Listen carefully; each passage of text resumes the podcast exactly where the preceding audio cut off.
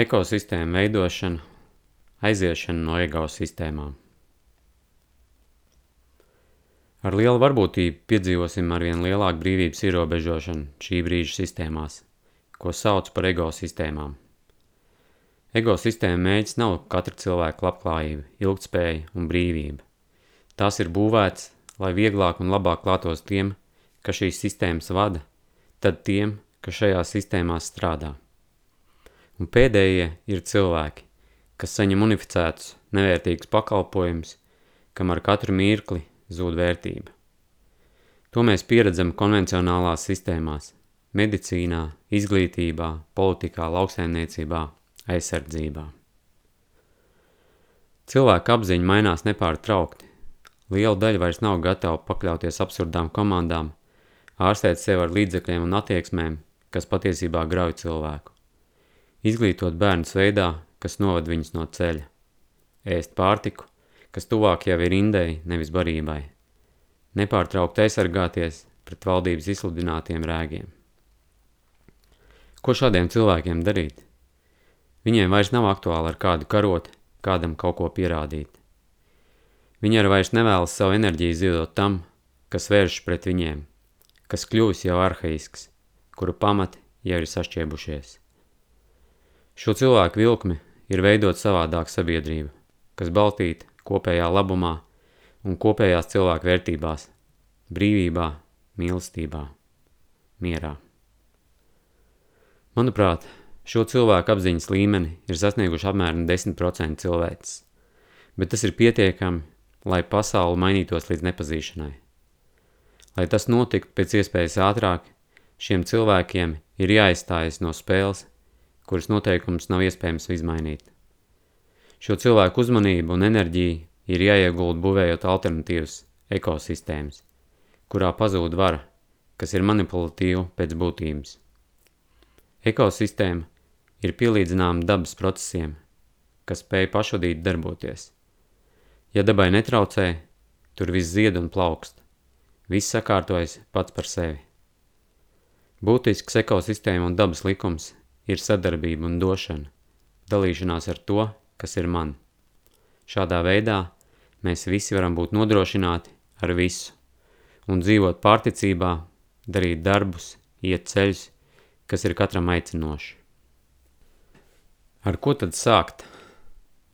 Pirmajiem tas ir visgrūtāk, jo nekurienē ir jārada kaut kas. Kad cilvēki redzēs, ka ir alternatīvas, kurās mēs varam iziet no verga pozīcijām un nebrīvs, tad šī kustība var attīstīties lavīnveidīgi, un ego sistēmas var vienā brīdī sabrukt. Būtu jāveido platformas, kas savā starpā būtu satīkloti ar citām līdzīgām platformām. Lai saprotamāk, sauksim tās par dabas ciematiem. Šajos ciematos cilvēki izveido dzīvošanai piemērotus apstākļus, kas ļauj tiem būt pēdušiem, zem jumta esošiem, apģērbtiem. Šis ir pats sākums. Sākumā Tam būs nepieciešama noteikta investīcija, lai ieietu ciklā, kad platforma kļūst pašpietiekama. Šeit ir jautājums par zemes vietu ciematam. Varbūt, šāda vieta jau ir kādam no potenciālās kopienas. Varbūt, ka ir jāiegādājas kāds īpašums, lai varētu tādu sākt veidot. Iespējams, ka sākotnēji apstākļi būs šaurāki un spiedīgāki, bet pakāpeniski kopējiem spēkiem katram var uzcelt savu mitekli. Manā pieredzē vienkārši mājiņu var uzcelt divos mēnešos ar resursiem, kas ir pieejami uz vietas. Pārtika visdrīzāk sākotnēji būs jāiegādājas ārpusē, bet būtu jāstrādā pie plāna, lai ar katru nākamo sezonu dzīvošana kļūtu pašpietiekamāk. Var tīkloties ar līdzīgiem ciemiem un mainīties barterī rudenī. Var apdomāt arī dažādu dzīvnieku turēšanu.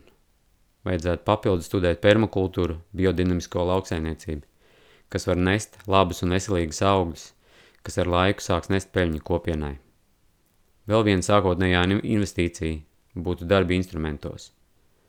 Šis ir pats sākums, kurš nepieciešams, lai mēs justos drošībā, spērt nākamos soļus ceļā uz savu brīvību, dzīvošanu starp cilvēkiem, mīlestībā un labklājībā. Tālāk būtu jāveido tādas izglītības platformas, kurā katrs bērns un pieaugušais attīsta savus talantus un realizē savus aicinājumus būt tam, kas mēs esam. Pirmkārt, jau cilvēkam.